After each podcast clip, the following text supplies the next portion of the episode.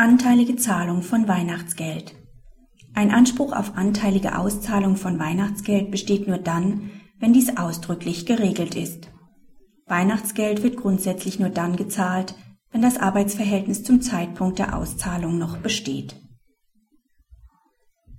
Im Arbeitsvertrag der Parteien ist geregelt, dass im November als freiwillige Leistung ohne jeden Rechtsanspruch und abhängig von der Geschäftslage und den persönlichen Leistungen festgelegt wird, ob und in welcher Höhe dem Arbeitnehmer ein Weihnachtsgeld gezahlt wird. Auch bei wiederholter Zahlung soll kein Rechtsanspruch entstehen. Ferner enthält der Arbeitsvertrag eine Rückzahlungsregelung für den Fall, dass das Arbeitsverhältnis vor dem 1.4. des folgenden Jahres beendet wird. Das Arbeitsverhältnis endet zum 30.09.2006. Im November 2006 zahlt der Arbeitgeber an sämtliche Mitarbeiter ein Weihnachtsgeld in Höhe eines halben Bruttomonatsgehalts. Der Arbeitnehmer verlangt ein anteiliges Weihnachtsgeld in Höhe von neun Zwölftel eines halben Bruttomonatsgehalts. Das BAG weist, wie bereits zuvor das LAG Köln, die Klage ab. Weil der Arbeitgeber allen Arbeitnehmern ein Weihnachtsgeld im November 2006 ausgezahlt hat, hätte der Arbeitnehmer grundsätzlich auch einen Anspruch gehabt.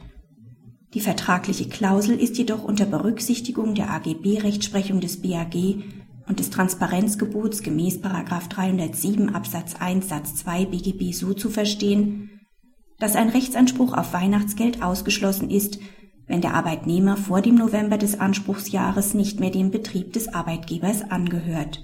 Dies geht aus der Formulierung hervor, dass im November festgelegt wird, ob und in welcher Höhe ein Weihnachtsgeld gezahlt wird. Damit bringt der Arbeitgeber unmissverständlich zum Ausdruck, dass er erst zu diesem Zeitpunkt über eine Weihnachtsgeldzahlung entscheiden will.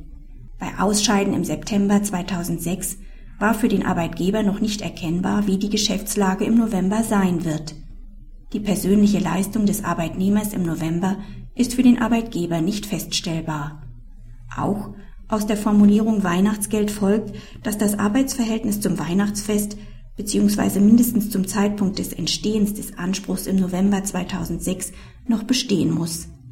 Denn Sinn und Zweck des Weihnachtsgelds ist ein Beitrag des Arbeitgebers zu den besonderen Aufwendungen des Arbeitnehmers zum Weihnachtsfest sowie eine Belohnung für die in der Vergangenheit geleisteten Dienste des Arbeitnehmers. Selbst wenn die Rückzahlungsklausel unwirksam sein sollte, hat dies keine Auswirkung darauf, dass dem Arbeitnehmer kein anteiliger Anspruch auf Weihnachtsgeld zusteht. Praxishinweis Grundsätzlich scheidet eine anteilige Forderung von Weihnachtsgeld aus. Arbeitnehmervertreter sollten dies bei Abschluss eines Vergleichs im Rahmen eines Kündigungsschutzprozesses oder einer außergerichtlichen Einigung berücksichtigen